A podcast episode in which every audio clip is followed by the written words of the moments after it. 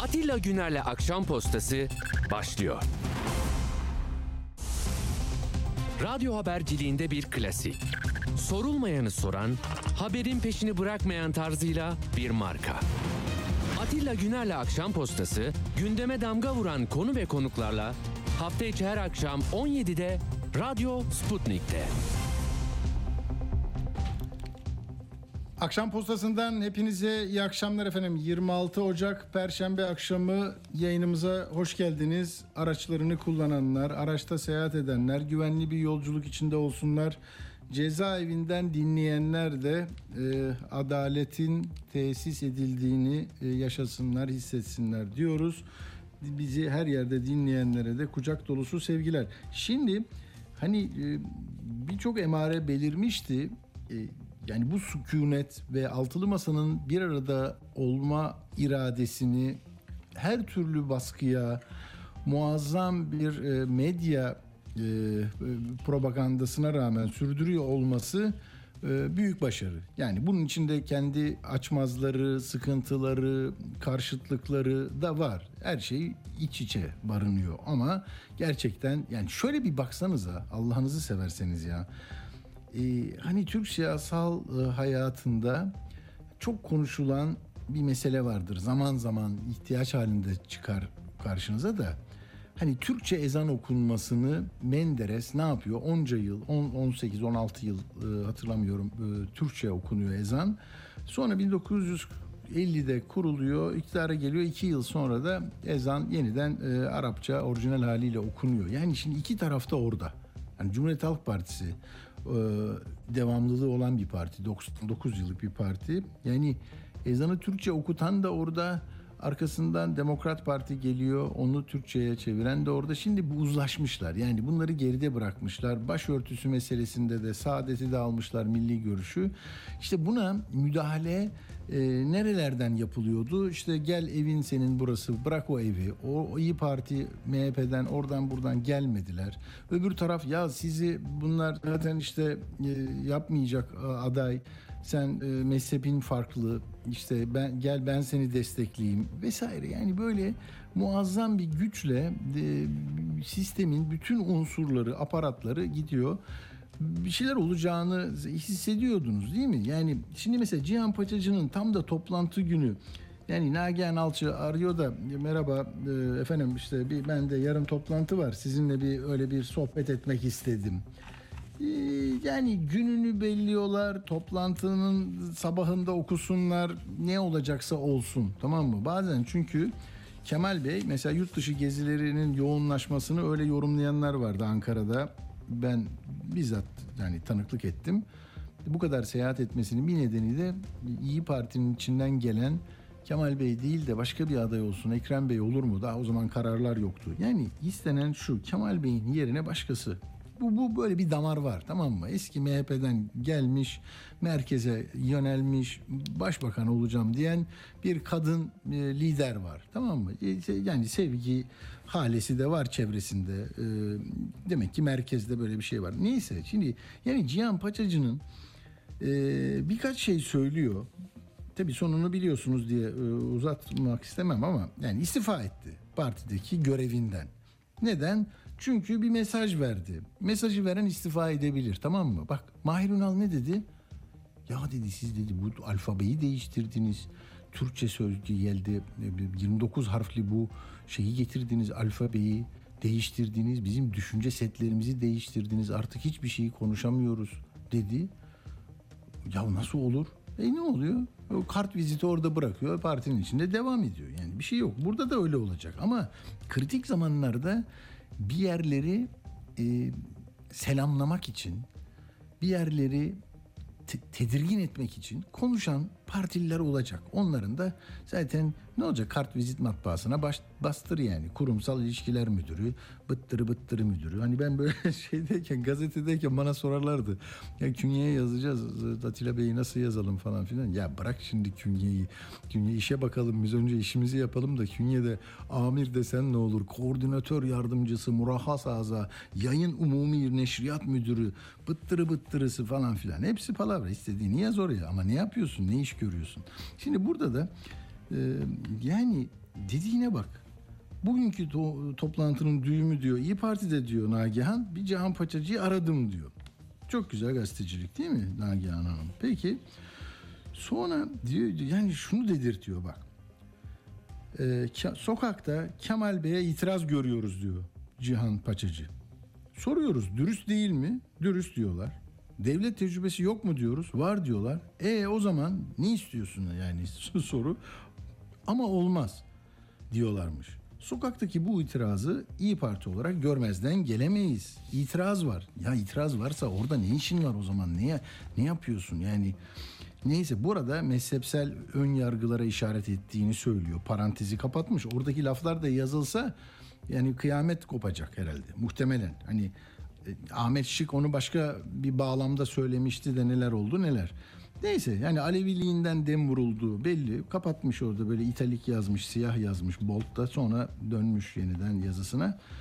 Yani Cihan Pacıcı diyor ki arkadaşlar ey altılı, altılı masa yani bizi biz ne diye yola çıktık? MHP'den ayrıldık. Ülkücüler iktidar olacak. MHP eskidi. Bahçeli artık şey yapamaz hale geldi. Biz derken ya Cumhuriyet Halk Partisi'nin eski işte bir hesap uzmanını Cumhurbaşkanı mı yapacağız derdinde. Hani ben bunu mealen söylüyorum. Böyle konuşuluyor herhalde. Diyor ki Erdoğan kaybedecek her halükarda diyor. Peki kaybedecekse diyor niye o zaman hani aday konusunda e, şey yapıyorsunuz ki diyor. İki ihtimal var diyor. Kemal Bey son derece kararlı e, olmak istiyorsa aday olacağım diyorsa ne yapacaksınız diyor. Diyor ki böyle bir şey olursa İyi Parti bu konuya itirazını kayda geçirir. İki ihtimal var bundan sonra. Ya Kemal Bey bu itiraza karşı yeni bir aday önerir ya da kendisinde diretir. Bak senaryoların hepsi belli. Sizce hangisi daha olası? İkinci gibi görünüyor. Diretir diyor. Ne olacak o zaman? Altılı masa bir deklarasyon yayınlayabilir ve çoklu adayla çıkar. İyi Parti de kendi adayını çıkarabilir. İkinci turda kalanı destekleyin diyebilir. Böyle bir şey mümkün mü diyor. Mümkün ama Ekrem Bey'i aday mı gösterirsiniz? Hayır Ekrem Bey olmaz diyor. Kendi içinden bir isim çıkartır diyor. Geliyor geliyor. Sonra diyor ki parti yetkili kurulları şu anda Kemal Bey'i onaylayacak noktada değil. Ama bu nihai olarak böyle devam edecek anlamına da gelmiyor. Melan Hanım konuyu yetkili kurullara getirecek, orada nihai karar alınacak. Yani başından beri Ankara kulislerinin de kulis dışı bilgilerinde kulis lafı da böyle bir hayali bir şeydir ya. Hepiniz biliyorsunuz. Eğer tersi olsaydı zaten İmamoğlu'na verilen cezadan 3 saat sonra paldır küldür arabasıyla o minibüsün önüne çıkma e, hızı olmazdı. Niye? Hani Kemal Bey'in dışında bir şey olsun. Belki oradan bir güçle onu aday yaparız. Belki bu yargı kararlarını da bertaraf ederiz. Daha güçlü çıkarız. O zaman Erdoğan dünyadan da çekinir. Adaylığını e, engelleyecek bir şey yapamaz. Yargıya da yaptıramaz gibi. Neyse ama burada söylenen çok açık ya. Yani bizim içimizde bunu istemeyenler çok. Burada oy oy verme davranışlarını da etkileyecek. O zaman ilk turda böyle yapalım. Geçmiş olsun. Yani ilk turda böyle olursa Erdoğan ilk turda alır geçer zaten. Siz yani bir 20 yıl daha beklersiniz. İşte çocuklarınızı partiye yazdırırsınız. Belki ondan sonra işte Erdoğan'dan sonra ailesinden gelen birisi mi olur, başka bir şey mi olur? Hani demokratik bir parlamenter sistem mi olur bilmiyorum. Ee, ama zor yani. Hani bu hani fedakarlık, kendinden verme, ortaklaşma, ileriye doğru e, senin senin böyle sıkı sıkıya bağlı olduğunu zannettiğin değerleri e, bir daha gözden geçir. Yani ne olmuş Kemal Bey'in şahsında ben ne destekleyenlerden ne karşı olanlardan ne imamcılardan ne bilmem cemaat hiç hiçbir şey değilim tamam mı? Ama yani biliyorsunuz Cihan Paçacı gibi düşünen aydın, entelektüel çevrelerde de bayağı insanlar var. Yani bazen biz de konuk aldığımızda Kemal Bey'den bir şey olmaz demeye getirecekler neredeyse lafı. Onlar genç, dinamik, böyle biraz da dan dun vuracak, güçlü, tırnak içinde her neyse ne anlıyorsanız. Yani ya geçen gün bir tane şey var, tane denmez bak insana Atilla bunları yapma diyorum sana, yapıyorsun. Peki İstanbul Üniversitesi'nden değerli bir akademisyen var. Profesör Doktor soyadı da Topsakal. Dün bak Habertürk'te zap yaparken onu dinledim. Ne dedi biliyor musun? Ya dedi lider dediğin nedir biliyor musun Türkiye'de dedi. Böyle vuracaksın dedi, yürüyeceksin, gözlerinden anlar dedi. Türkiye'de seçmen lideri gözünden anlar dedi abi. Abi kast ajansına gidin o zaman. En sert bakan, böyle aslanlar gibi yürüyen, vurdu mu deviren, adımları böyle kükreten, böyle omuzları geniş, çakmak çakmak bakan bir abi bulun. Onu bir siyasi eğitimden geçirin. Pek de lazım değil zaten. Sonra yürüsün böyle. Vay vatandaş da arkasından yürüsün. Şimdi tarih böyle olunca ve televizyonlarda iktidarın e, amaçlarını, güzergahını e, iyi görüp onu desteklemek için e, ne yapıyor? Bunu söylüyor. Tamam mı? Demek ki durumumuz biraz vahim. Yani toplumu böyle değerlendiriyoruz.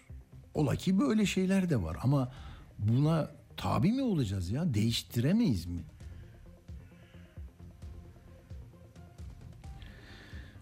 Peki yani Ecevit de seçen bu milletse değil mi? Demireli de, Özal'ı da, Mesut Bey'i rahmetli, Tansu Hanım'a da oy verdi. Yani 20'şer verdi, 10'ar verdi, 17'şer verdi falan filan da şimdi 50 aranıyor. 50 aranınca da o çıtayı da yükselttiler. Peki ez cümle arkadaşlar Cihan Paçacı bu dedikten sonra içeride ne olduğunu tahmin edersiniz. 6 lider saat 12'de toplanmış. Önlerinde bu metin var.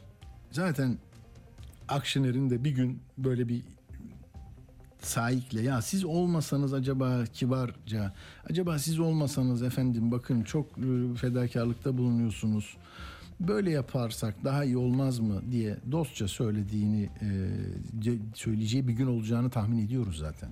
E şey yazdı Şaban Sevinç ne diyor? Yani e, Kemal Bey kendinden feragat edecek. Ne yapacakmış? E, Faik Öztürk, bilmem İlhan Kesici. Yani bunlar çok akla uygun değil de Fikri Sağlar da öyle bir şey yazdı. Birileri de öyle diyor. Ha ben de mesela fikren şunun olma ihtimalini düşünüyorum. Kemal Bey o kadar ama kendisine çok yakın ve çok mutlu olacağı bir isimle ilgili bir televizyona çıkıp ben yapacağımı yaptım, buraya getirdim Türkiye'yi. Hiçbir görev, hiçbir apolet istemiyorum. Bu kardeşimiz yapacak. Ben de e, bir vakıf kuruyorum. Vakıfta şunu yapıyorum ya da danışmanlık yapıyorum deme ihtimali de var. Bakalım, bakalım ne olacak. Şimdi YSK'da da değişiklikler oluyor. Mustafa Tolga Öztürk, YSK'da İyi Parti'nin temsilcisi. Mecliste grubu olan partiler YSK'ya atama yapıyorlar böyle. Hemen bir arayalım. Bir 10 dakikamızı alacak. Çok yoğun olur onlar şimdi konuşmak için. Zamanları da sınırlı. YSK başkanlığında da 5 üye yer değiş şey süresi bitmişti arkadaşlar. Onu biliyorsunuz 5 üyenin 3'ünü Yargıtay, ikisini de Danıştay seçti. Hızlı bak orada da yani tamam mı devlet baraj yapmıyor. Hani büyük şehirde CHP'liler yapsın diyor da e, ama YSK konusunda çok hızlı hareket ediliyor. Barajlar konuldu. Ahmet Yener başkan oldu. Kısaca söyleyeyim. Sayıştay Başkanı Metin Yener e, Rin e, abisi kendisi. O da atanmıştı 2021'de. Bu- Bayağı da tartışma olmuştu. Yani iki yüksek yargı organı e, diyebiliriz. E, YSK'nın da başında Ahmet Yener var. Sayıştay'ın başkanı da Metin Yener. Tabii burada e, yani yeni oluşum, 5 üyenin değişmesi bunlar e, olağan akışı içinde devam eden işler. Ama kimlikleriyle, tut- tutumlarıyla tabii ki o kamuoyu merak edecek. Biz de onları ayrıntılandırırız yeri geldiğinde. Dediğim gibi YSK'da bir de mecliste grubu bulan partilerin birer temsilcisi var. Oy şeyleri yok, hakları yok ama toplantıları izleyebiliyorlar. Kendi partilerinin görüşünü iletiyorlar. İşte öyle değerli bir isim İyi Parti adına YSK'da bulunan YSK temsilcisi Mustafa Tolga Öztürk hattımızda. Merhaba Mustafa Bey. Merhabalar Atilla Bey, iyi yayınlar diliyorum. Çok teşekkür ederim. Şimdi e, YSK'da bu olağandı değil mi değişiklikler onu aktardım ama e, belki siz daha fazla bir e, not iletebilirsiniz bize. E, o iş tamamlandı mı şimdi? 5 üye geldi yeni yönetim oluştu. Evet, yeni yönetim oluştu. Ee, süresi içerisinde olağan bir süreçten bahsedebiliriz burada. Hı hı. Herhangi bir olağanüstülük söz konusu değil. Başkan e, Ahmet Yener Beyefendi oldu. E, Ekrem Özbek de başkan mi? vekili oldu. Yeni seçilen üyelerden mi Başkan Bey, Mustafa Bey? Yok hayır, eski üyeler. Orada o var olan üç üyelerden. önce- Üç yıl önce göreve başlamış üyelerden. Tamam anladım. Kaç yıl görev yapıyor YSK üyeleri? 6 yıl görev yapıyorlar. 6 yıl. Ee, Tamam. Bir dönem uzatıldı biliyorsunuz geçen yerel seçimlerde. Evet. Ee, bu e, eski 5 üyemiz işte e, başkan bey, başkan vekili ve 3 üye e, görevi sonlandı. Ahmet Yener Bey başkan, Ekrem Özbek de e, başkan vekili seçildi. Anladım. Peki yeni dönem hayırlı olsun. Çünkü herkesin gözü burada olacak. Yine e, polemikler olacak, tartışmalar olacak. Umarız e, hukuk adına YSK'yı bağlayan kurallar neyse onlar gerçekleşir. Şimdi burada e, Erdoğan'ın sözünü ettiği 10 Mart ve YSK'da işini yapar diye bir takvim biliyoruz biz. Ben iki şeyi çok merak ediyorum. Siz orada e, hem içindesiniz meselenin. E, Bir, yani 10 Mart'tan sonra takvimi açıkladığında e, işte değil mi seçmen kütüklerinden aday adaylıkları, adaylıklar, işte kesinleşmeler böyle bir takvim olacak. Bir onu merak ediyorum. O yani 14 Mayıs'a 2 ay kalmış olacak değil mi? E, Bu takvim için şimdiden çalışır mı YSK? Mesela nasıl çalışır? İşte- sandıktır, oy pusulasıdır, şunlar bunlar nasıl hazırlık var mı? Yani YSK kendi hazırlıklarını yapmaya başladı tabii bunu biliyorsunuz yaklaşık bir, mi? Bir yıl önce e, oy pusulası dönüştürülecek malzemelerin satımını tamamladılar. Oy kabinleri e, satımları, gerç- e, alımları gerçekleştirdi. Hı hı. Bu aşamada herhangi bir problem yok. Bunların Problem tamamına sahipler. Ee, Şimdi sormuş olduğunuz bu 10 Mart yani 8 ile 10 Mart arasında bir e, seçim kararının açıklanması bekleniyor. Ee, bu da mecliste alınacak gibi gözükmüyor bu karar. Ee, Cumhurbaşkanı'nın e, seçimleri yenileyeceğine yönelik bir kamuoyunda bir beklenti var. Ben de bu şekilde olacağı kanaatindeyim. Hı hı. Ee, Bunu e, açıkladıktan sonra bir 60 günlük kanunun belirlemiş olduğu bir 60 günlük süre başlayacak. Bu da seçimin başlangıcı dediğimiz seçim başlangıç tarihiyle birlikte az önce sizin de belirtmiş olduğunuz işte e, ittifakların ne zaman kurulacağı, milletvekili adaylıklarının ne zaman yapılması gerektiği, bu aday listelerinin ne zaman kesinleşeceği, kamuoyunda merakla beklenilen Cumhurbaşkanı adaylık başvurusu, e, sandık kurullarının oluşması gibi birçok e, şey içinde barındırıyor bu seçim takvimi. E, bu takvimin bir taslak metni e, mevcuttur. Yüksek Seçim Kurulu'nda siz de biz de YSK'nın sayfasında baktığımız zaman süreci az çok e, öngörebileceğimiz tarihleri e, biz de belirliyoruz. Nerede neler yapılması gerektiğine yönelik tabii ki çalışmalarımız sürüyor. Ama e, biz e, seçim takviminin açıklanmasını beklemeden önce aslında hazırlıklara başladık. Biz e, bu aşamada sandık kurulu üyelerimizi, üye verebileceğimiz yerlerde, sandık kuruluna verebileceğimiz müşahitlerimizi, e, ilçelerde oluşturduğumuz SKM'leri, seçim koordinasyon merkezleri, il SKM ve genel merkez seçim koordinasyon merkezleri üzerinde çalışmalarımızı yaptık. %80'in üzerinde de sandık kurulu üyelerimizi şu aşamada belirlemiş durumdayız. Anladım. Peki burada e, şunu e, sormak istiyorum size. E, burada seçmen sayısıyla ilgili şu anda net bir e, sayı söyleyebiliyor muyuz? Çünkü şöyle bir tartışma var. Yani Haziran'dan Mayıs'a alınca 200 bin genç e, oy kullanamayacak. Hem sizin partiniz hem diğer partiler e, diyorlar ki işte belediyeler eliyle e, gençleri okulda kapanmadığı için oy vermeye e, getireceğiz.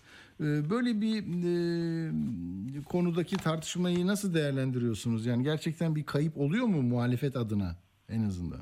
Şimdi 200 bin rakamının da gerçeğe yansıtmadığını düşünüyorum ben. Bunun çok üzerinde bir öğrencinin kendi şehrinde okumadığı anlaşılıyor. Hı. Yapmış olduğumuz araştırmalar. Ha ben yaşla ilgili söyledim onu. 18'i dolduranlarla ilgili böyle bir şey Ha, anladım. konuşuluyordu. Ama şöyle Atilla Bey hani e, Haziranda da olsa bu sefer başka 200 Tabii, bin kişi tabii, kullanamayacak. tabii. Yani Doğru. bunu takibi Doğru. mümkün olan bir şey değil. E, ben e, başladığım Doğru. yerden devam edeyim dilerseniz. Tabii. Şimdi 14 Mayıs tarihi e, tam finaller haftasına denk geliyor üniversitelerde. Hı hı. 1 milyon üzerinde kendi şehrinde okumayan öğrenci arkadaşlarımız mevcut. Sizin de elinize geliyor veriler, bizim de elimize geliyor. Ee, ben çok kullanmak istediğim bir tabir değil ama Z kuşağı olarak tanımlıyorlar e, bilim insanları. Ben gençler olarak devam edeyim sözüme. Ee, genç üniversitede arkadaşlarımızın 1 milyon 200 bine yakın e, kişi e, kendi memleketinde değil başka yerde olacak o dönemde. E, Size gelen verilerde de bana gelen verilerde de bu genç arkadaşların siyasi eğilimleri de bakıldığı zaman AK Parti son sıralarda yer alıyor. Evet böyle araştırmalar var. Yüzde otuzu iktidar cephesine, e, Cumhur İttifakı'na oy verecek gibi e, beyanda bulunuyor. Çok e, sayıdaki ankette evet. Evet. Şimdi bu arkadaşların oy kullanabilmesi için yapması gerekenler var. Ben bizim partimiz, Gençlik Politikaları Başkanımız da bizler de Seçim İşleri Başkanlığı olarak e, çalışmalarımızı önceden başladık. Bu sizin az önce belirttiğiniz seçim takvimi içerisinde askı süresi dediğimiz bir e, alan var. Yani 10-12 no- 10, 10 ile 12 gün arasında olacağını tahmin ettiğim bir bölüm var. Bu işi buraya bırakmadan şimdiden okudukları yerlere ikametlerini alması gerektiği yönünde biz e, kamu spotu da oluşturmaya başlayacağız gençlik. Kolay mı o? Kolay mı? Yani mesela şimdi diyelim ki Amasya'dan İstanbul'a okumaya geldi. 14 Mayıs'ta da burada olacak. Ne yapsın? Hem de bir vatandaşlara katkımız olsun buradan. Harika. Şimdi 10 Mart öncesinde yapabilecekleri biraz daha kolay. 10 Mart sonrasına da değineyim ama şimdi Tamam. öncesinde E-Devlet üzerinden hepimiz ikametgah değişikliği yapabiliyoruz.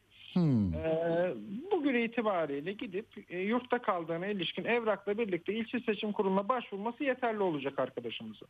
Güzel. Öğrenci evinde kalıyorsa bir arkadaşın adına olduğunu düşünelim kira kontratının. Tamam.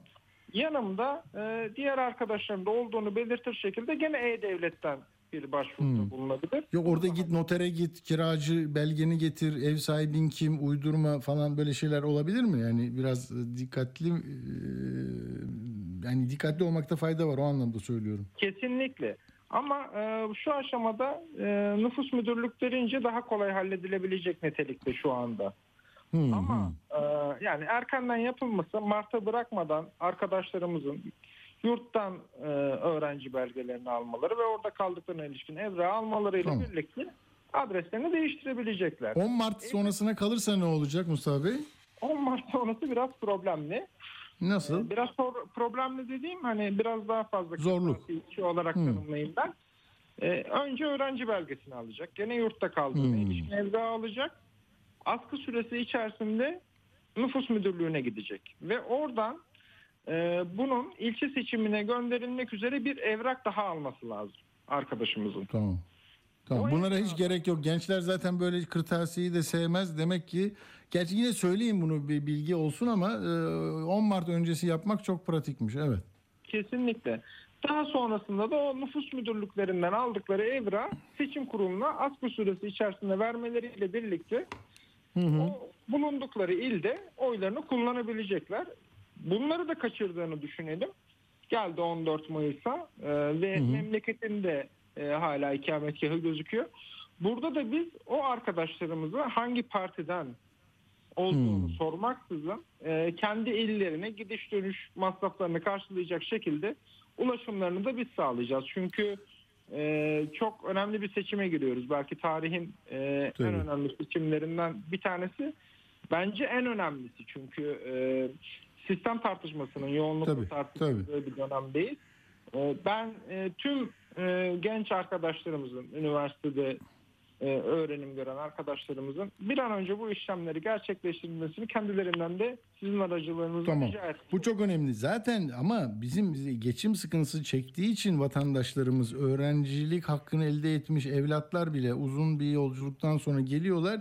Memleketlerine dönemiyorlardı. O yüzden iktidar bile ne yaptı? Ee, dedi ki iki kez gidiş dönüş parası vereceğim 500 TL diye 2000 liralık ulaşım desteği vermişti. Annelerini babalarını görsün diye. Şimdi o hakkı kullanmış olabilirler. Ba- Başka yerden de alamazlar.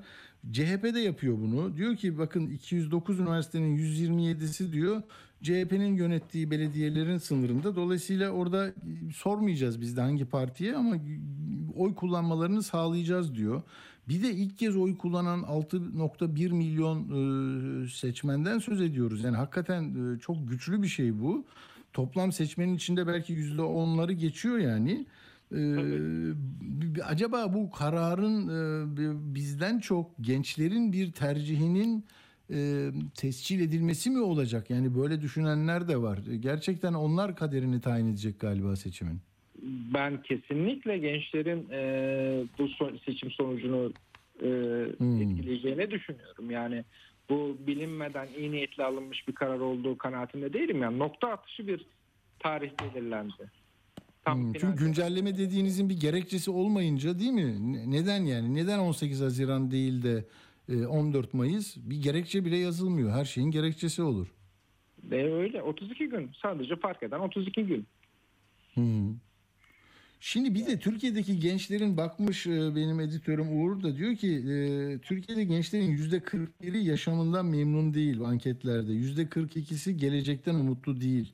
Yüzde 73'ü iş bulma zor zor diyor. E, Çok sıkıntılı. Dolayısıyla e, bu bu gençlerin e, sadece bizim bunu söylemek zorundayım e, alınmasın Adalet ve Kalkınma Partisi'ne oy verenler ama yani Erdoğan'ın ziyaret ettiği bir ilde Bursa'da işte Diyarbakır'da Mersin'de sadece parti gençlik kollarının e, mensuplarıyla yaptığı e, toplantılar gençleri anlatmaya yetmez. Onlar parti ideolojisini anlatıp ekranda insanlara tek parti dönemi gibi bir şey gösteriyorlar Cumhurbaşkanı'nın huzurunda. Ama e, asıl sorunları olanlar soru soramıyor. Kendini ifade edemiyor. E, dolayısıyla sizin söylediğinizle yan yana koyduğumuzda e, o zaman sadece kendi partisinin gençlik kollarıyla bunu halledemeyeceği için e, daha az gencin e, seçimlerde oy kullanmasına yönelik bir şeyler yapabilir diye değil mi? Böyle bir kurgu içinde düşünebiliriz yani. Evet az önce belirttim yani tarih Evet. ve bakıldığı zaman tam e, öğrenci arkadaşlarımızın final dönemine denk gelen bir dönem. Evet. Yani e, iyi niyetli olarak belirlendiği kanaatinde değilim. Gençlerin birçok problemleri var ve Hmm. e, hiçbiri çözülmüş durumda değil. Yani birçoğu e, yurt dışı düşünüyorlar, e, birçoğu kendilerini baskı altında düşünüyorlar, haklılar.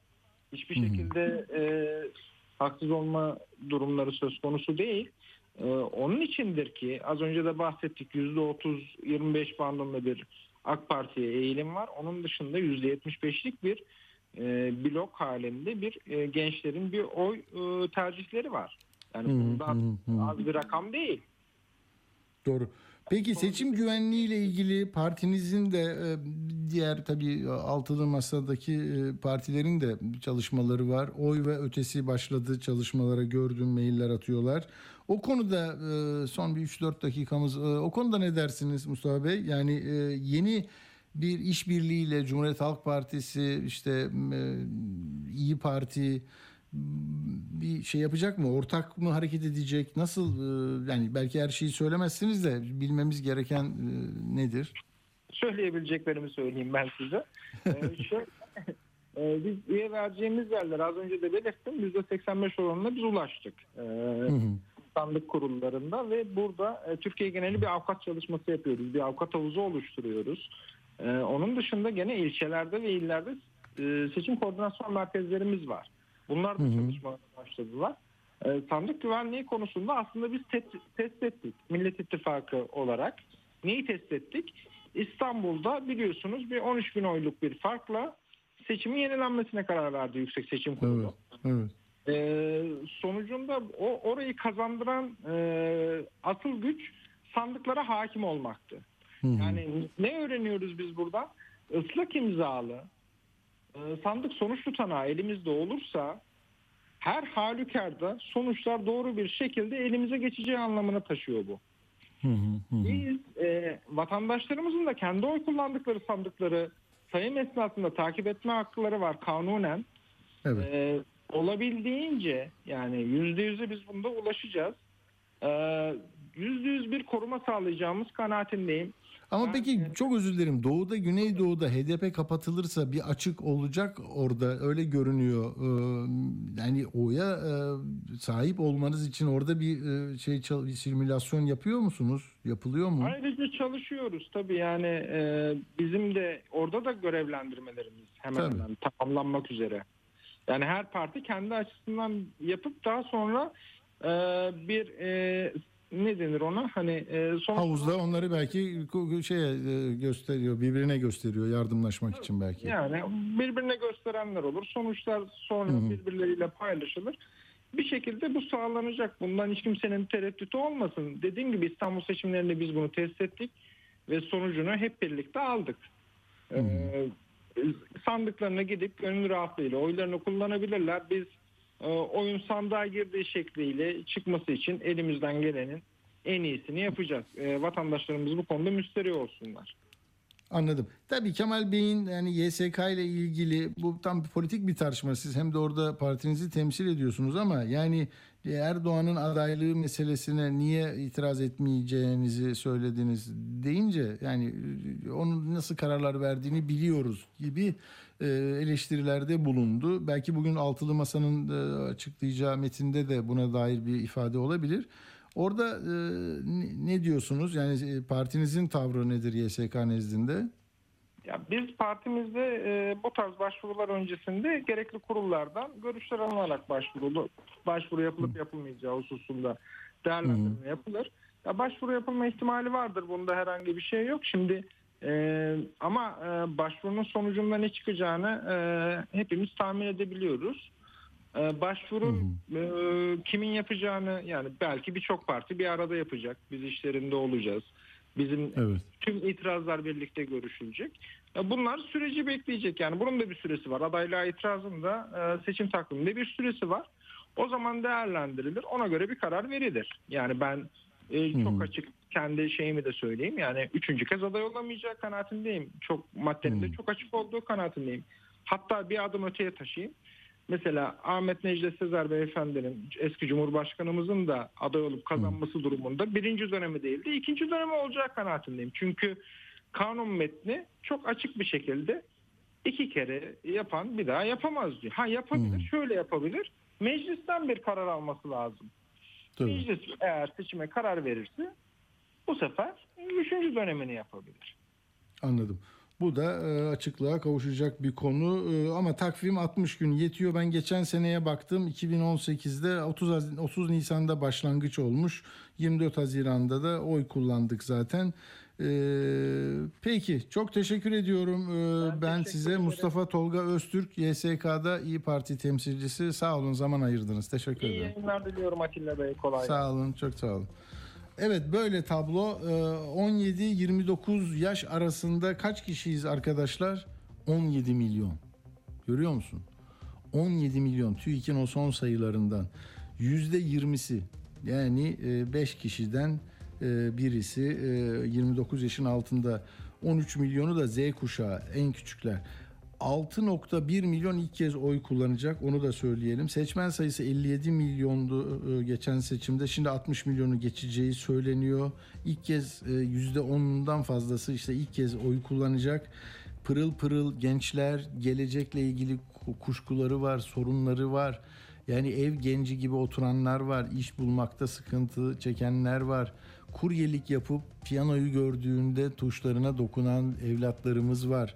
Dolayısıyla e, onların e, oy kullanmasına herkesin katkı sunması e, çok önemli. Hani askıda otobüs bileti olsa oraya atlamak lazım. Yani sizin vereceğiniz oy kadar belki ondan daha kuvvetli e, bir şey olacak o. Her nereye karar vereceklerse. Çünkü biz artık e, eskiyi ifade ediyoruz. Onlar yeni ve yenilerden korkmamak lazım. Şimdi e, ne kaldı geriye?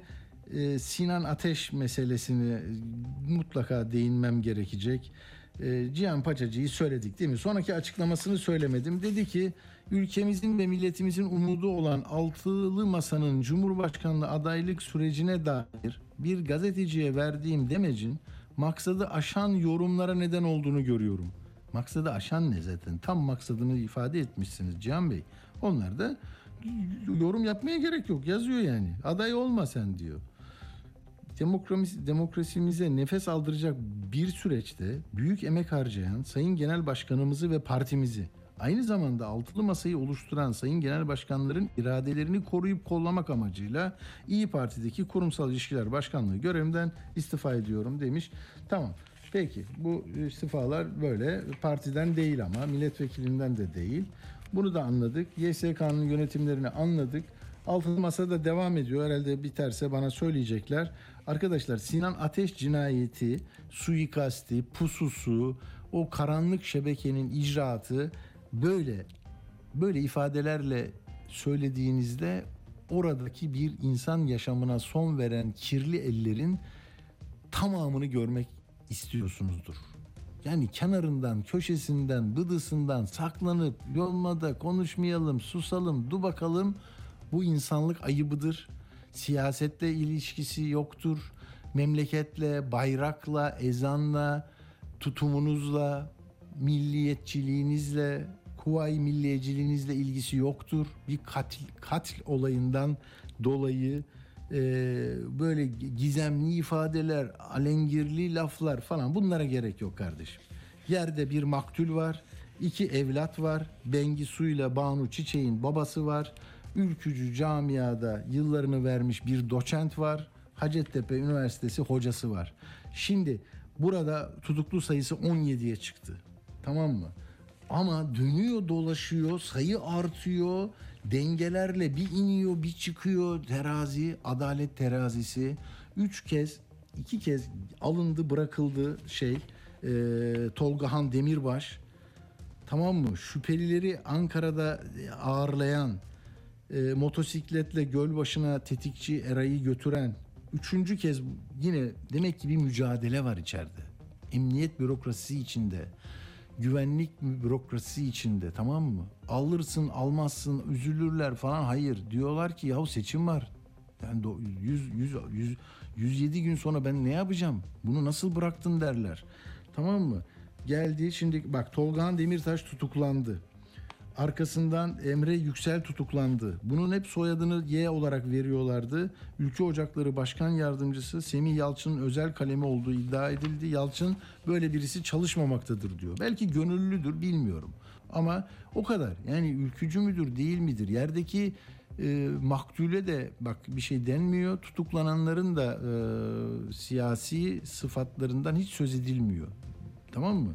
Yani sanki ortada bir trafik kazasında e, işte yol vermedin diye öldürülmüş bir insan var. Ya bunu hangi niyetle öldürdünüz?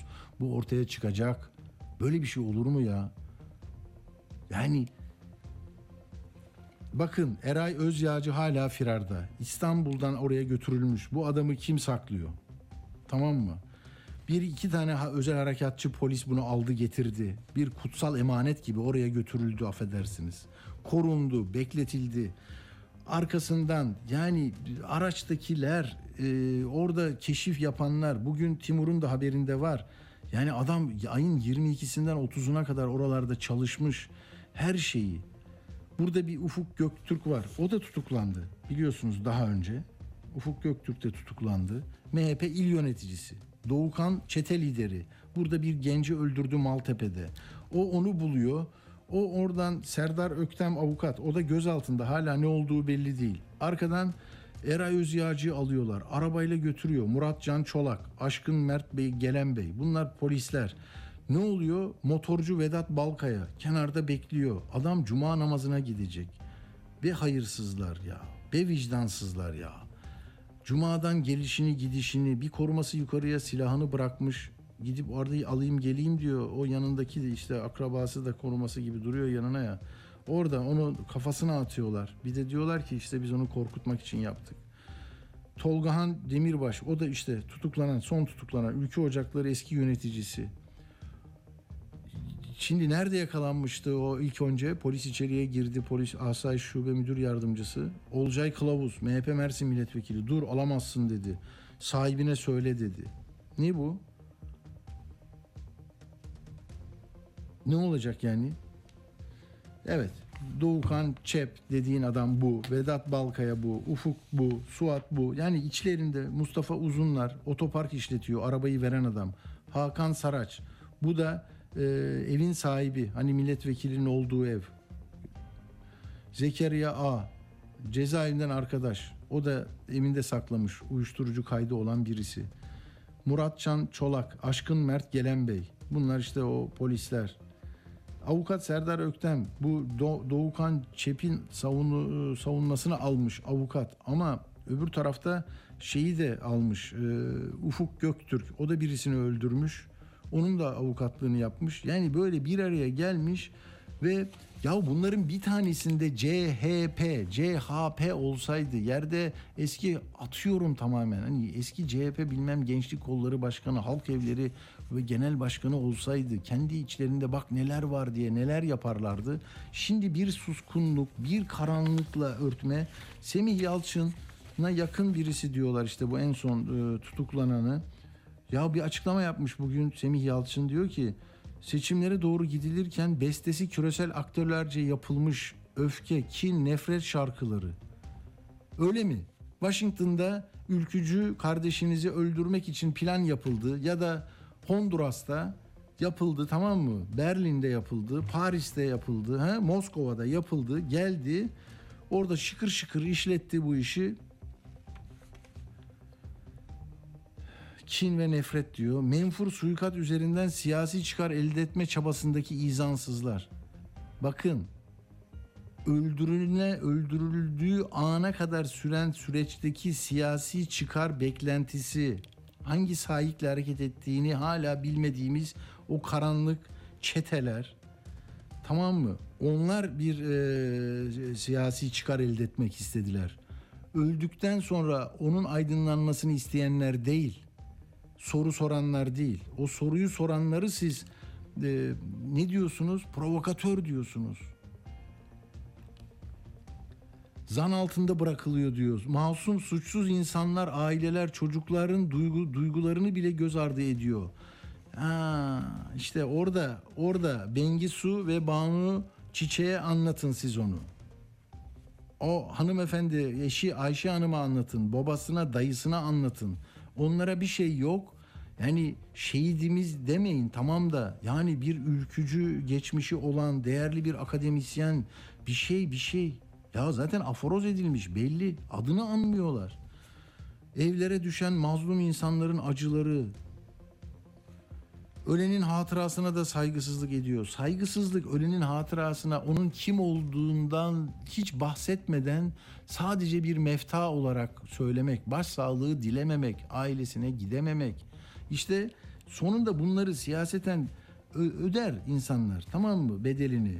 Ben anlamam ama ben hukuki meselelerde hangi davalarda nasıl düşünüyorsam öyle söylüyorum. Al işte MHP'nin üye sayısı 16.492 10 E, günde mi bir ayda mı açıklıyor Yargıtay düşmüş. Bugün haberler var. 464 bine düşmüş. 17 bin kişi partiden istifa etmiş.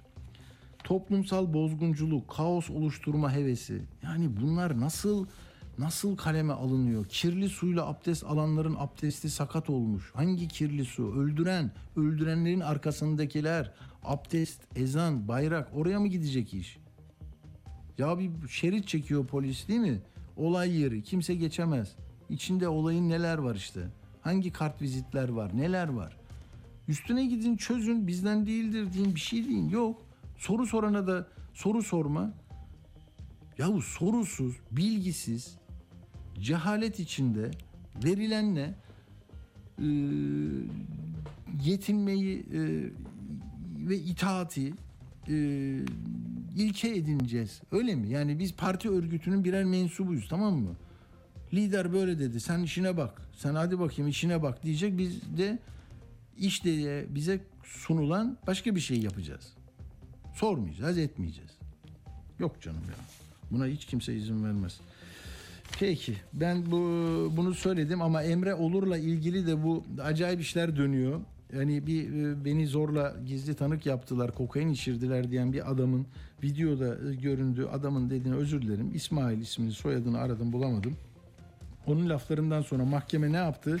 Tuttu e, esas alınamaz bu gizli tanığın beyanları dedi. Sedat Peker'in işte halkla ilişkilercisi Emre Olur'u tahliye etti. 16. Ağır Ceza Mahkemesi. Tabii bu eş zamanlı olunca yine bir bilek güreşi. İçlerden içlerinden birisi hop ne oluyoruz dedi. Sonunda başkan savcı başvekili başsavcı vekili itiraz etmiş. 16. Ağır Ceza diyor ki yok e, kararda değişik yapmama gerek yok diyor. Bir üst mahkeme 17'dir numarayla üst yani yoksa ondan daha büyük abi değil o. Bir numara sonrasına gidilir hukukta 17. ağıra gidiyor. O da hiç tartışmadan tak yakalama emri veriyor. Ee, bu da işte kavala bak ileride hukuk hukukla siyasetle toplumsal hayatla bozulan düzenle ilgili bir şeyler yapılınca hani bu kavala modeli denilebilir buna. Hani tam cezaevinden çıkarken tak diye seni yeniden bir itirazla alıyorlar. Demirtaş modeli. Ahim bir şey diyor tak alıyorlar. Bak herkese göre bir tarife bu. Bizim adalardaki vapur tarifesi gibi. Tamam bakıyorsun ya bunu hangi tarifeyi uygulayalım? 6.35'i uygulayalım. Tamam abi. Alın abi bunu kenardan yeniden içeriye sokun. Niye göre? Ya hukukla ilgili bu işler ya. Yani hukukun bak istenirse ve istenmezse neler olacağını bak bugün ben bir yolculuktaydım ee, ya şuraya not ettim. Çerçeve bu tamam mı? Bize hukuk diye sunulanın ne olduğunu. İstenirse tutuklanır, istenirse mahkum olur, af edilir, kapatılır, yayın yapamaz. İstenmezse tahliye olamaz, siyaset yapamaz, yardım toplayamaz, taksi kararı alamaz, soru soramaz, ahim kararları uygulanmaz. Müzik dinleyemez, festival yapamaz, pasaport alamaz. Belediyeler otobüs alamaz, metroya 3 bin lira verirler sesini çıkaramazsın. Susuz kalırsın, kuraklıktan dudakların kurur. Biz DSİ olarak yapıyoruz, sen de oraya yap var kardeşim der. Hadi küçük bir ara. Dünyada anlatılmayanları anlatıyoruz. Geçelim buradan hemen Yunanistan'a. Gidelim şimdi Mısır'a. Program editörümüz Uğur Koçbaş hep ayrıntıların peşinde. Dünyadan zaten Uğur'un şeyi copyright bölümü. Neden yapıyoruz? Çünkü 12 Eylül bizim AB maceramızın da aslında yıl dönümü. 34 tane fasıl hala bekliyor. Bunu zaten İngiliz basını da manşetlerine taşıyarak Boris'e büyük yargı darbesi. Dünyada anlatılmayanları anlatıyoruz. Evet bir cümle edeyim hemen Uğur'a geçelim. Çünkü e, hani e, AYM'nin HDP için ne karar verdiğini duymayanlara da söyleyelim. Karar ertelensin demişti e, parti. Hayır dedi raportör. Mahkemede bugün hayır dedi ve iki ay süre istemişti parti. Sen benim parama da el koydun, bloke ettin. Ne yapacağım? E, iki ay içinde sana savunma vereyim. Hayır 15 gün sonra 14 Mart'ta gel savunmanı yap dedi. Erdoğan 10 Mart'ta kararını açıklayacak. İşte 12 Mart'ta e, CSK takvimi açıklanacak. 14 Mart'ta bu işler olacak. Çok emareler belirdi, daralacak, e, böyle bir şey olacak. Hani karkas etten size güzel bir şey, bonfile çıkacak tamam mı? Onu o, o, o öyle bir süreç gidiyor. Hadi bakalım Uğur sen de ben susayım artık çok konuş. Merhaba. Ee, Şimdi ben de şunu e, söyleyeyim. E, o zaman gene seçim bağlantılı. E, şimdi içeride ekonomik problemler olunca hep e, aynı fikir gündeme gelir ya. Hani ey diyecek bir dış düşman yaratma meselesi. E, şimdi enteresan bir şekilde iktidarın eline koz veren yayınlar çıkmaya başladı son dönemde. Şimdi ey Almanya, ey İngiltere, ey Amerika dedirtecek şeyler. Şimdi bu ekonomistle başladı. İngiltere merkezli e, ekonomist dergisiyle Türkiye'nin yaklaşan diktatörlüğü kapağını e, yaptı ekonomist. İşte ülke felaketin e, eşiğinde dedi. Erdoğan ülkeyi diktatörlüğe sürükleyebilir dedi. Tabii Ankara'dan tepkiler geldi buna. Şimdi de Almanya'da Stern dergisi e, o da çok provokatif bir e, kapakla çıktı. O da önemli bir e, haber dergisi gücünü korumak için Almanya dahil olmak üzere tehlikeli gerilimler ve çatışmalar yaratıyor Erdoğan dedi ve kundakçı diye bir e, başlıkla Erdoğan'ın bir fotoğrafını koyarak kapak konusu yaptı. Ama içinde tabii çok e, e, Ankara'nın e, ey diyebileceği ifadeler var. İşte baş belası diyor, provokatör diyor vesaire. E, ülkede ekonomik sıkıntılar var. Kendisi paşa gibi yaşıyor. Üç saray yaptırdı e, diyor.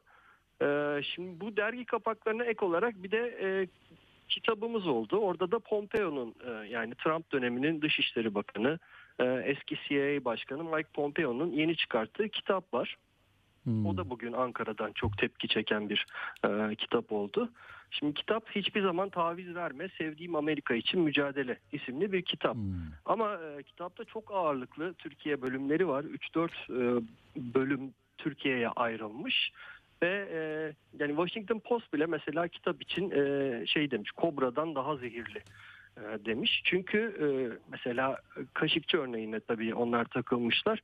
Kaşıkçı için bu adam gazeteci değil aktivist e, diyor ve e, Kaşıkçı'nın ölüm emrini veren Selman'ın e, en önemli liderlerden, zamanın en önemli liderlerinden biri olduğunu, reformist olduğunu söylüyor. Ee, tabii o Washington Post e, Hmm. çok eleştirmiş. Tabii Türkiye'nin de çok eleştireceği e, ifadeler var e, kitapta. Şimdi şöyle anlatıyor Pompeo. Ee, Bir kere Erdoğan için tam İslamcı otoriter bir hale getirdi ülkeyi e, diyor. 2017'de kendisi CIA başkanı iken şimdi Rakka IŞİD'in elinde ve IŞİD'e bir operasyon yapılacak. O dönemi hatırlarsınız. Ee, Amerika işte Türkiye diyordu ki e, biz ÖSO'yu eğitiyoruz Türkiye'de bu adamlarla yapalım bu operasyonu diyordu. Amerika'da bunlar yetersiz olur. Biz e, işte YPG ile e, çalışacağız diyordu. Ankara'da buna çok tepki gösteriyordu. E, Türkiye'de demişti ki gelin bakın bu adamlara, ÖSO'culara. Hı hı. E, Pompeo geliyor. E, Amerikan Savunma Bakanı ve Genelkurmay Başkanı ile Mattis ve Danforth'la geliyor. E, ve e, görüyorlar. E, Pompeo şöyle diyor. Gördüklerimiz bizi dehşete düşürdü. İşiti yenme şansının sıfır olduğuna ikna etti. E, başkana çıktık. YPG ile çalışmamız gerektiğini açıkladık. O da kabul etti e, diyor. Hmm. Kötü haberi ver. Türklere kötü haberi vermek de bana düştü diyor. Ee, İbrahim Kalın ve Hakan Fidan'la e, görüşüyor Pompeo ve e, çok tabii alevleniyor ortalık çünkü biz YPG ile çalışacağız e, diyor Pompeo Beyaz Saray'daki toplantıda. Bu kadar çabuk patlayan bir öfke görmemiştim diyor. Kalın ve Fidan bağırıp çağırmaya başlıyor. Odayı terk ediyorlar. E, bu anekdotu anlatıyor. Bugün İbrahim Kalın buna bir yanıt verdi. Yaşananları çarpıtarak anlatıyor diyor ama aslında da doğruluyor ya- yaşananları. Hmm. Çavuşoğlu da yani Çavuşoğlu'nu dinledim ben. Çavuşoğlu Sen da. dinleyebildin mi onu? Tabii tabii onu da söyleyeceğim Ha, tamam. tepkisini. Ee, şimdi açık bir şekilde biz e, PKK'nın işte YPG'nin terör örgütü olduğunu, e, Amerika'nın politikasının çok yanlış olacağını onlara hı. ifade ettik diyor Hakan Fidan. E, açık bir şekilde anlattı pozisyonumuzu diyor. E, Mevlüt Bey de vardı diyor. Çavuşoğlu da vardı görüşmede. Hulusi Paşa vardı diyor. E, bu kökten bir şekilde yanlıştır dedi. Aslında onların öfke dediği şey net yan, net bizim tavrımızdı diyor. Hı hı. Çavuşoğlu da yani diplomatik bir dille söylüyorum ama siz buna yalan diyebilirsiniz. Abartı var, çifte standart var kitapta diyor. Amerika'nın yaptığı ciddi bir suçtur aslında diyor. Terör örgütleriyle işbirliği yapmak diyor. Türk ordusunun ne olduğunu biz gösterdik diyor o operasyonlarımızla diye ifade ediyor. İkinci mesele e, Pompeo artık Dışişleri Bakanı olmuş. CIA Başkanlığından Trump onu Dışişleri Bakanlığı'na getirmiş. Beştepe'de bir görüşme yapılacak. Sebep de Barış Pınar, Pınarı Harekatı. Şimdi Münbiç'in Hmm. çevresini TSK e, boşaltmak istiyor. Fırat'ın batısını. E, Amerika buna karşı çıkıyor. E, ve e, ona rağmen e, Biden şey Trump izin veriyor ve giriliyor içeri. Ee, ama ortalık çok karışıyor Ee, ve e, Trump diyor ki siz gidin e, Türklerin çıkmasını sağlayın oradan diyor ve Mike Pence ile Pompeo'yu gönderiyor Ankara'ya. Beştepe'de bir görüşme yapılıyor. Cumhurbaşkanı Erdoğan'ın da e, katıldığı bir görüşme yapılıyor. E, fakat e, Pompeo'yu görüşmeye almıyorlar. E, Pompeo diyor ki bana birkaç dakika Pence ile Erdoğan'ın baş başa görüşmek istediğini söylediler e, Hmm. diyor. Ama o birkaç dakika oluyor yarım saat, bir saat. E, Pompeo içeri girmek istiyor çünkü Pence aslında çok etkisiz bir eleman olarak görülürdü Hmm. o dönemde ve e, Pence'in bir, bir şeyleri başarabileceğini çok düşünmüyor e, Pompeo ve e, net tavır sergileyemeyeceğini düşündüğü için kendisi de içeri girmek istiyor. E, fakat kapı kilitli. E, bu kapıyı kırarım diyor. E, Çavuşoğlu da ne yapıyorsunuz siz diyor ve kı- kırmaya çalışıyor. O arada Türk korumalar e, devreye girecekler. E, en sonunda e, içeri girmesine izin veriliyor E, ve bunu anlatıyorlar. O, o- orada kullandığı ifade de tabii Ankara'yı çok kızdıracak bir şey. Neden böyle bir şey yaptığını anlatırken diyor ki ben 2017'de Türkiye'ye CIA başkanı iken gelmiştim. Bize bir 15 Temmuz belgeseli izlettiler. İğrenç bir şeydi ve akıl sağlığı sorunu olduğunu düşündüm. O kadar uzun bir şeydi ki diyor. Pense de bunu izlettiklerini düşündüğüm için ben böyle agresif bir tepki verdim diyor. Tabii bu bu ifadelerine de e, Kalın ve Çavuşoğlu'ndan çok sert tepki var. E, belli oldu 15 Temmuz'a kimin destek verdiği der gibi. E, bir de tabii Yunanistan meselesinde Pompeo'nun kitapta ayırdığı bölüm çok e, Ankara'yı kızdıracak şekilde. Yani e, kudurmuş bir şekilde Amerikan karşıtıydı 1970'lerde Yunanistan. E, ama benim dönemimde diyor e, çok gurur verici bir şekilde ilişkileri e, iyileştirdik. Hatta diyor ben Kissinger'ın ancak yaptığı bir şeyi yaptım diyor.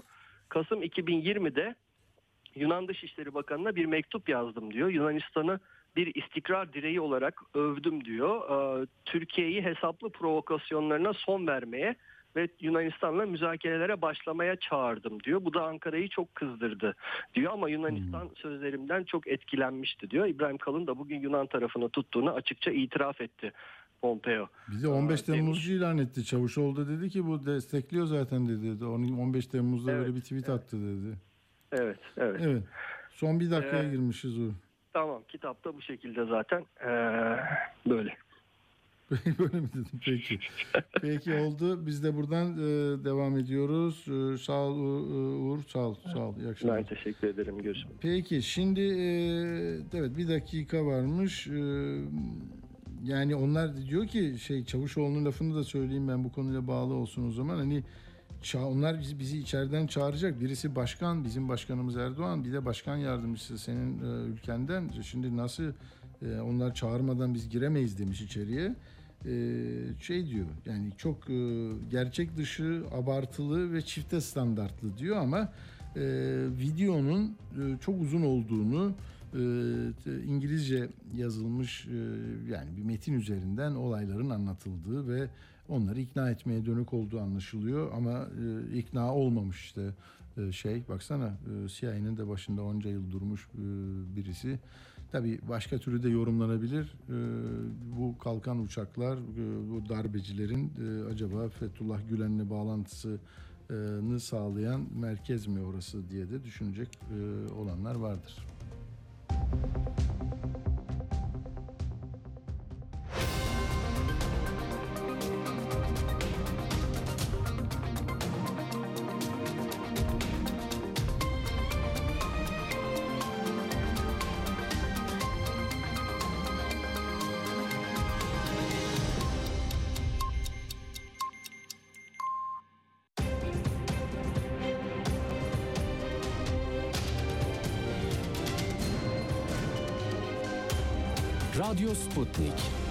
Anlatılmayanları anlatıyoruz. Radyo haberciliğinde bir klasik. Sorulmayanı soran, haberin peşini bırakmayan tarzıyla bir marka. Atilla Güner'le Akşam Postası, gündeme damga vuran konu ve konuklarla hafta içi her akşam 17'de Radyo Sputnik'te.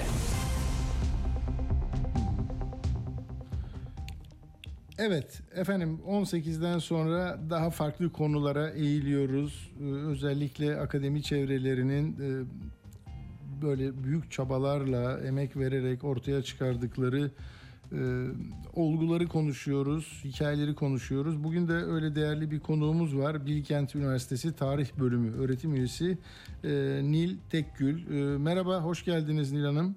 Merhaba Atilla Bey, hoş bulduk. İyi yayınlar diliyorum. Sağ olun. Teşekkür Kitabınız hayırlı uğurlu olsun Sağ olun. kitabınız. Çok mersi, evet. İs- çok taze. İsmi de Osmanlı İmparator- İmparatorluğu'nda duygular, erken modern dönemde siyaset, toplum, aile. Şimdi biz e, tabii günümüze çakılı kalıyoruz bazen işte yok seçim var, tartışma var, gündelik hayatın şeyleri. Ama siz bizi ne olur e, zaten kitapta bu e, yıllar öncesinde mesela aile, duygular nasıl değişim gösteriyor? Nasıl mukayese ederiz? Şimdi bizim dinleyenler bu saatte araba kullananlar çoğunlukta oluyor. Yorgunlar biraz da. Hani Evet. onlara onlara böyle bu meseleyi kavratalım hocam. E, Buyurun. Evet. Ee, e, çok teşekkür ederim tekrar. E, kitabım dediğiniz gibi daha çok yeni 12 Ocak'ta yayınlandı. Bloomsbury'nin e, akademik yayınlarından bir tanesi.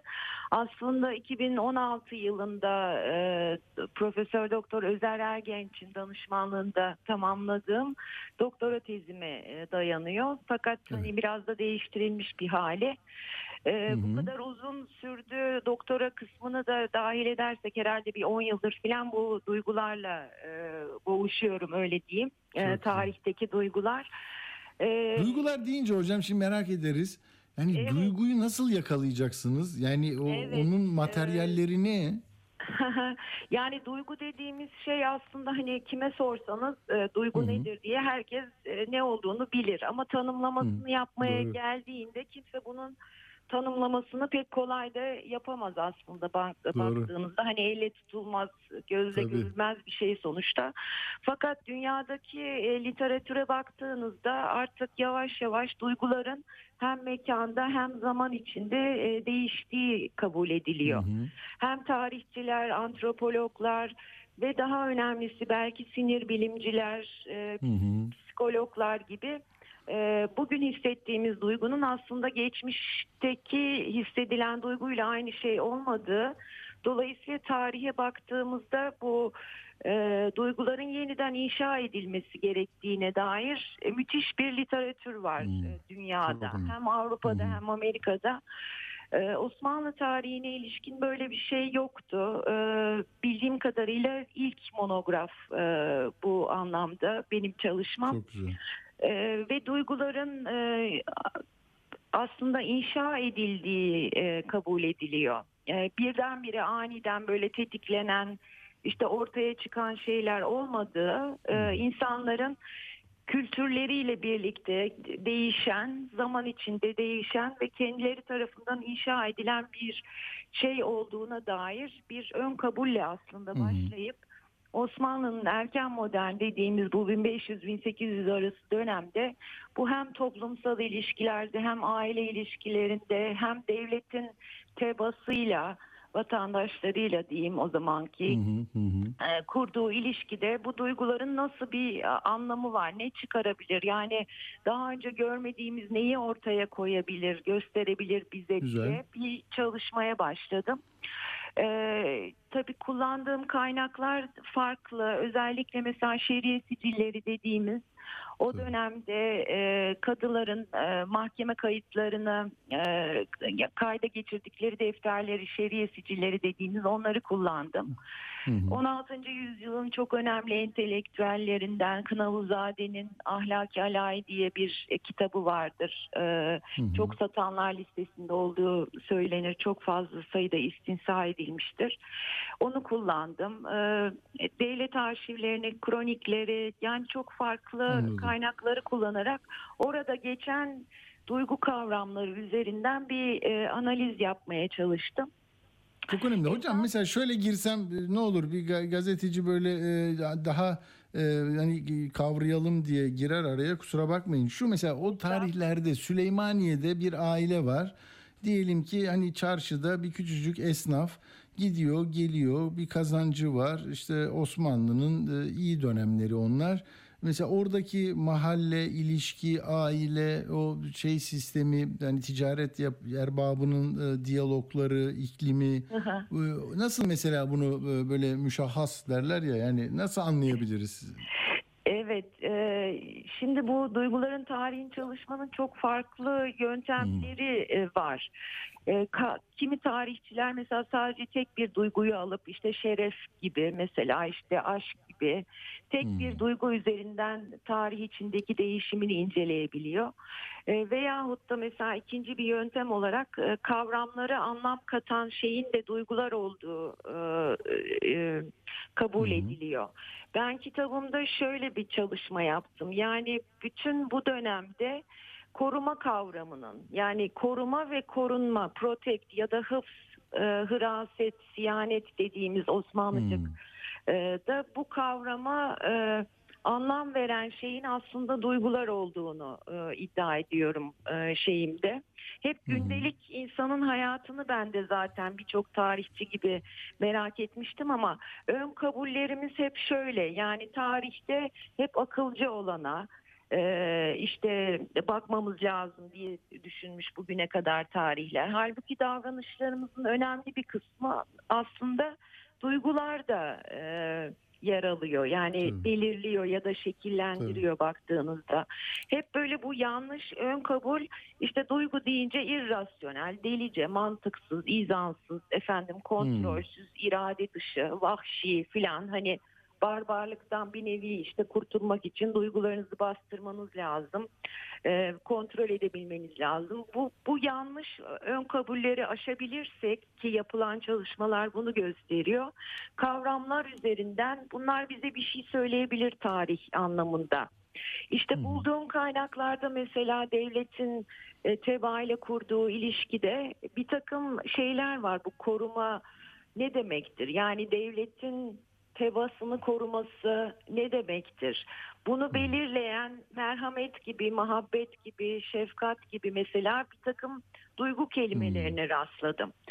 O zamanki anlayışa göre mesela hükümdar e, tebasını yani vatandaşlarını diyeyim e, Allah'ın bir emaneti olması sıfatıyla korumak ve kollamakla yükümlü. Karşılığında da bu tebaanın ita- e, koşulsuz bir itaati söz konusu. Ama bu ilişkide işte bunu belirleyen ve de şekillendiren şey aslında duygular. Mesela dinin de etkisi var mı diye sorsam orada. Efendim? Di- Dinsel inançların da etkisi var mı bu ilişkide?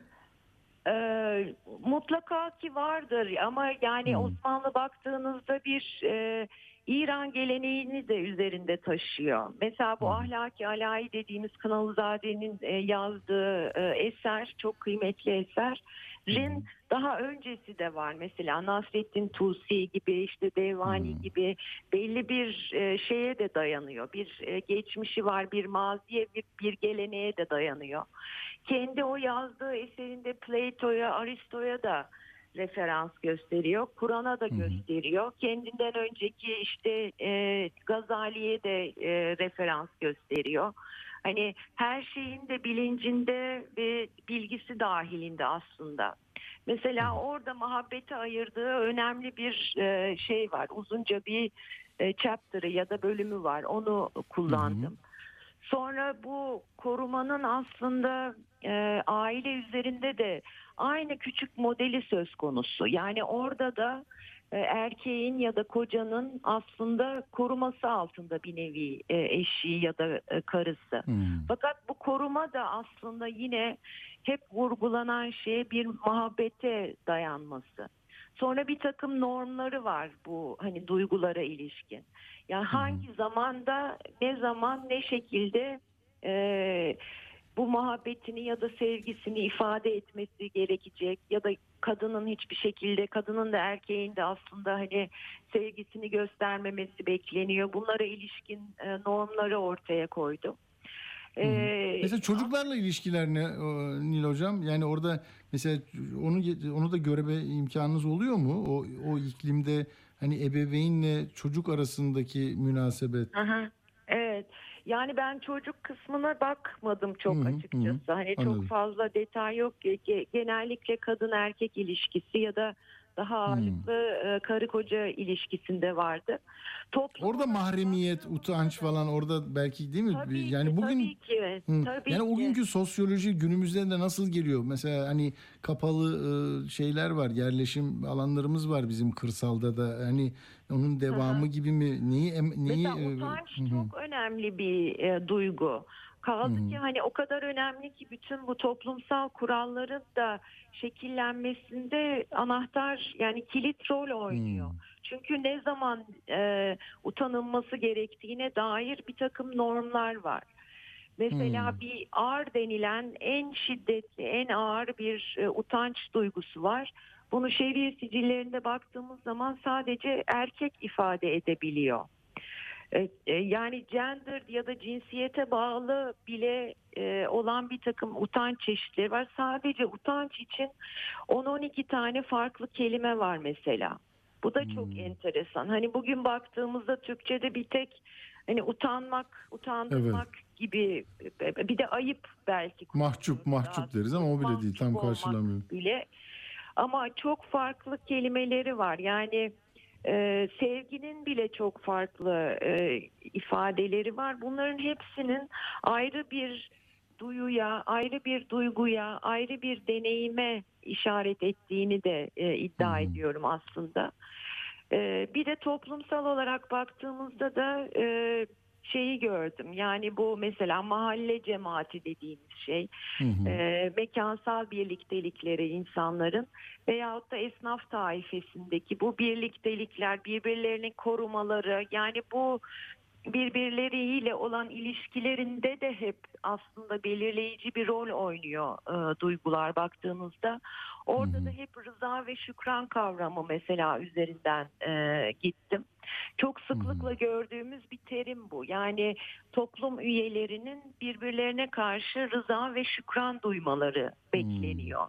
Yine aynı şekilde bunlar belirliyor kimin o topluluğun üyesi olabileceğine veya olamayacağına. Bir sürü mahalleden ihraç kayıtları var mesela.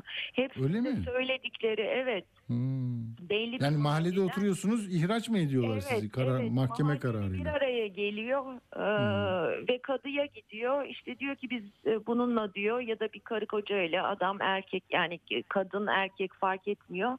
Biz bununla bir arada olmak istemiyoruz. Mahallede Gerekçe? ihraç edilmesini istiyoruz diyor.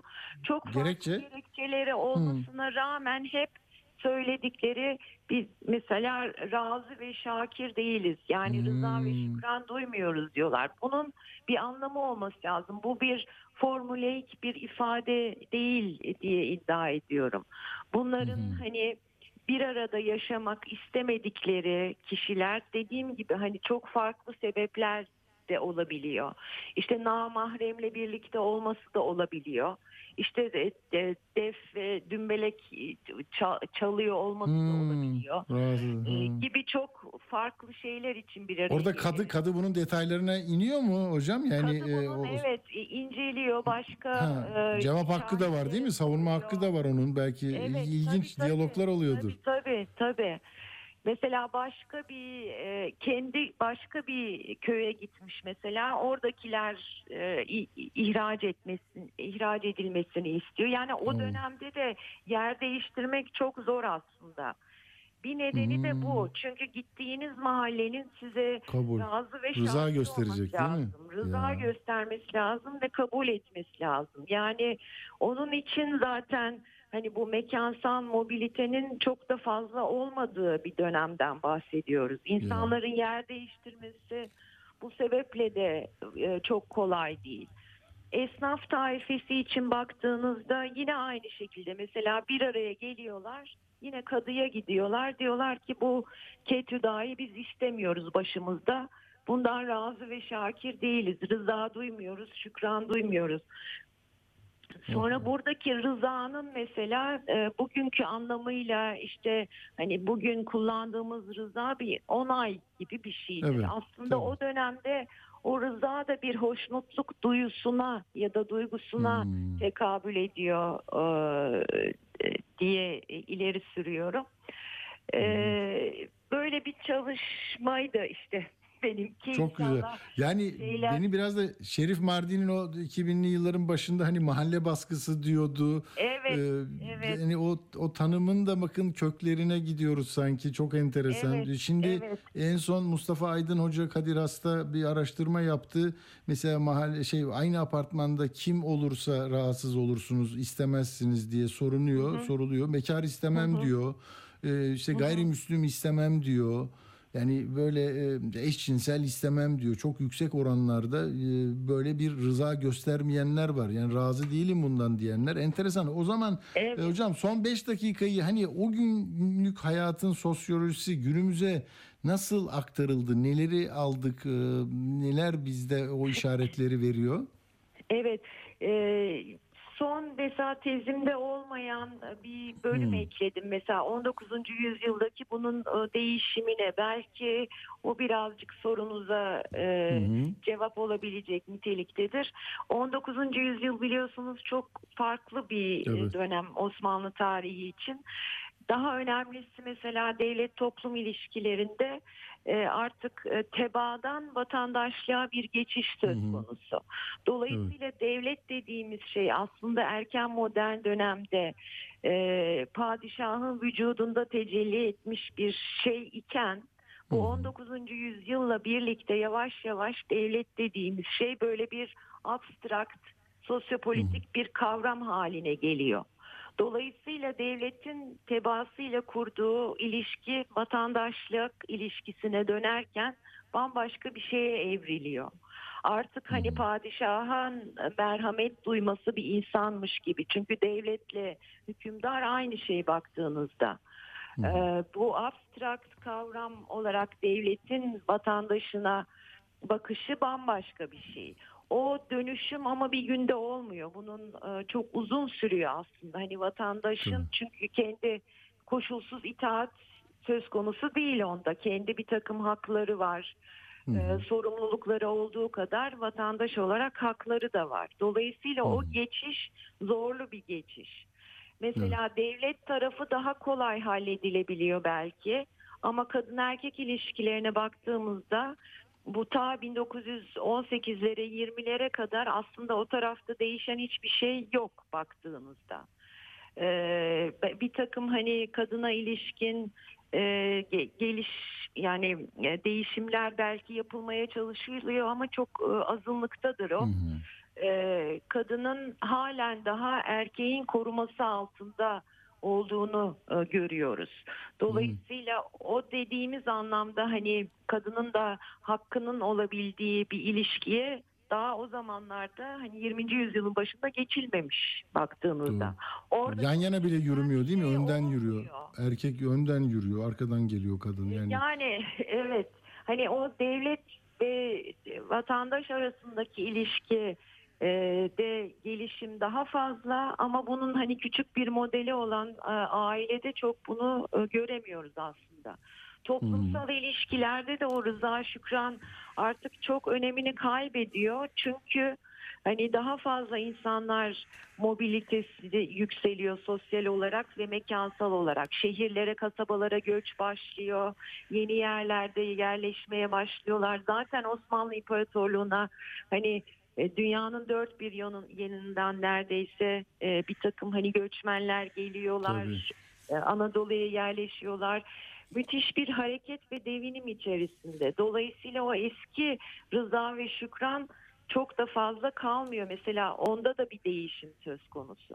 Yani ben en büyük değişimi bu e, devlet toplum ilişkisinde gördüm. Belki ikincilik ikinci olarak toplumda ama en son hatta hiç değişmeyen diyeyim aile tarafı oldu. Değil mi? Yani Bugün de aileyi tartışıyoruz. Şimdi anayasaya bir madde koyduk. Aile kavramına bir destek olacak diye düşünülüyor. Enteresan. Yani orada da e, orada peki son e, kaç dakikamız? 3 dakikamız kalmış. E, Nil Tek Nil Tekkül'le konuşuyoruz Bilkent Üniversitesi'nden. Radyolarını yeni açanlar için e, doktora tezinin e, yani geliştirilmiş hali erken modern dönemde siyaset, toplum, aile Osmanlı'dan e, büyük kaynakları araştırarak yazmış e, Nil Hoca. Peki e, aile için son ne söylersiniz 3 dakikada hocam?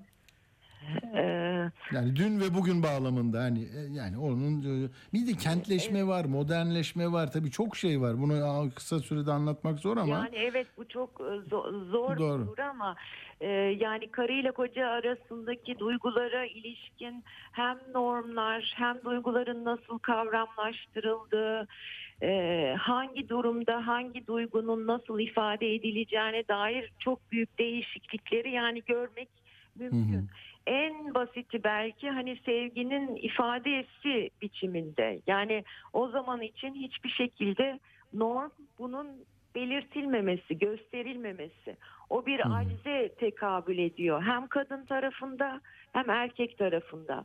Ama şimdi baktığınızda bu hiç öyle değil değil mi? Yani hani Evet. e, eşler birbirlerine sevgilerini ifade et- etmek etmeleri belki bir norm haline gelmiş durumda. Ee, dolayısıyla hani bu değişimi de görebiliyorsunuz. Sadece ifade biçimi değil, bizzat hissedilen şeyin bile farklı olduğunu ileri sürüyorlar. Ee, nörologlar, işte neuroscientistler ee, ki ben de buna ka- katılıyorum aslında. Devrimsel nitelikte bence çünkü hani bütün tarih çalışmaları bir de duyguları göze almak suretiyle yeniden bakılabilir. Mevcut bildiğimiz kaynaklara bile duyguların değiştiğini kabul ederek bir kez daha baksak belki çok daha farklı şeyler göreceğiz. Yani çok işin başındayız. Ee, ve bence yapılacak çok şey var aslında bu e, duyguların tarihine ilişkin. Ve bu bir alt disiplin ol, e, olarak da kabul edilmiyor. Her türlü tarihe, cinsiyet tarihi olabilir, toplumsal tarih olabilir, ekonomik tarih olabilir. Her neyse tarihçinin ilgi alanı.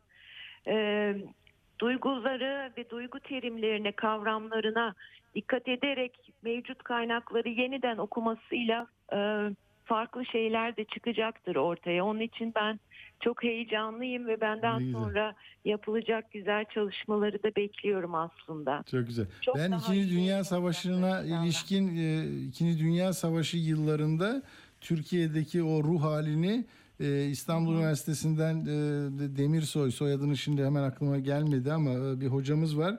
O hakikaten dediğiniz gibi o duyguyu e, okuyunca anlıyorsunuz. Korkuyor, ürküyor, yokluk var, Evet, sıkıntı var, e, şey var. Nedir o işte tefecilik var, stokçuluk var ve kavramsallaştırıyor. Dünya, Gazetelerde şey var.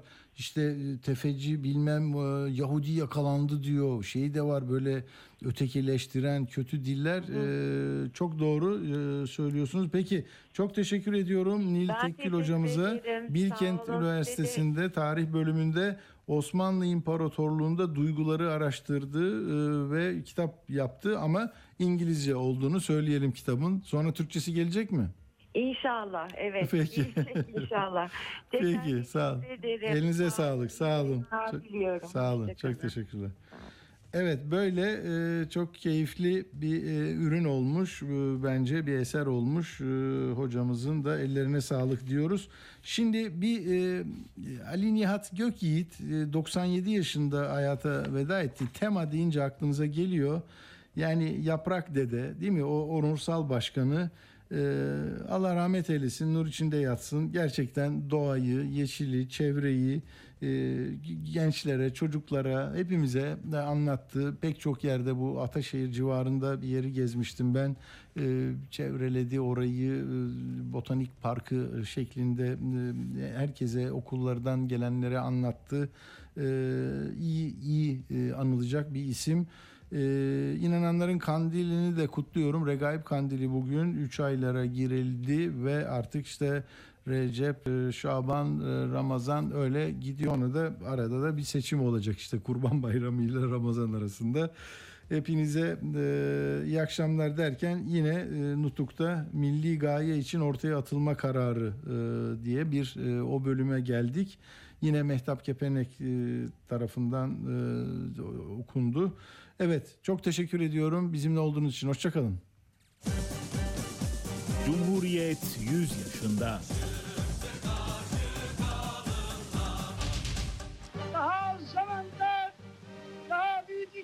Başaracağız.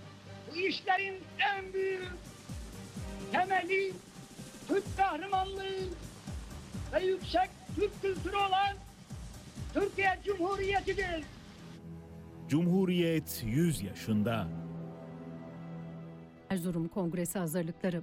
Erzurum'a varışımın ilk günlerinde Erzurum Kongresi'nin toplanmasını temin için tedbirler almakla iştigale ehemmiyet verildi. Efendiler, Vilayet-i Şarkiye Müdafaa Hukuki Milliye Cemiyeti'nin 3 Mart 1919 tarihinde bir heyeti faale vücuda getirmek suretiyle teşekkül etmiş olan Erzurum Şubesi, Trabzon'la da anlaşarak 1919 senesi Temmuz'unun 10. günü Erzurum'da bir Vilayet-i Şarkiye Kongresi yapmaya teşebbüs etti. Benim henüz Amasya'da bulunduğum tarihlerde Haziran içinde Doğu vilayetlerine delege göndermeleri için teklif ve davette de bulundu. Vilayetlerden delege çağrılması için o tarihten itibaren benim Erzurum'a varışıma kadar ve ondan sonra da bu hususta fevkalade gayret sarf ettim. Fakat o günlerin şartları içinde böyle bir maksadın teminindeki müşkülatın büyüklüğü kolaylıkla takdir olunur.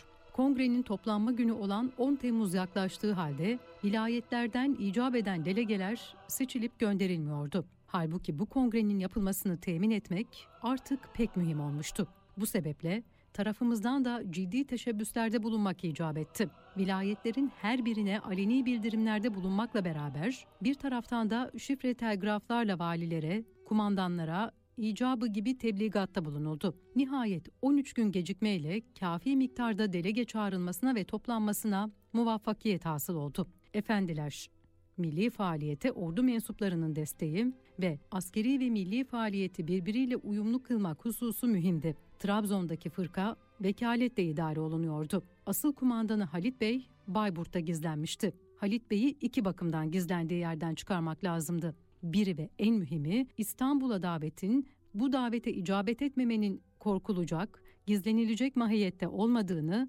millete ve bilhassa ordu mensuplarına göstererek manevi kuvveti yükseltmek icap ediyordu. Diğer sebep sahilde mühim bir nokta olan Trabzon'a haricin bir tasallutu vukuunda oradaki fırkanın başında ateşli bir kumandan bulundurmak uygundu. Dolayısıyla Halit Bey'i Erzurum'a getirttim. Kendisine bizzat özel talimat verdikten sonra icabında derhal fırkasının başına geçmek üzere Maçka'da bulunması için emir verdirdim. Biz bu işlerle meşgul olurken bir taraftan da İstanbul'da Harbiye Nezareti makamında bulunan Ferit Paşa'nın ve padişahın İstanbul'a dönmemi temin için devam ede gelen aldatıcı telgraflarına da birer surette cevap vermekle vakit kaybına mecbur bulunuyorduk. Atatürk'ün nutkunu okumayı kaldığımız yerden sürdüreceğiz. Cumhuriyet 100 yaşında. Atilla Güner'le Akşam Postası sona erdi. Radyo haberciliğinde bir klasik. Sorulmayanı soran, haberin peşini bırakmayan tarzıyla bir marka. Atilla Güner'le Akşam Postası, gündeme damga vuran konu ve konuklarla hafta içi her akşam 17'de Radyo Sputnik'te.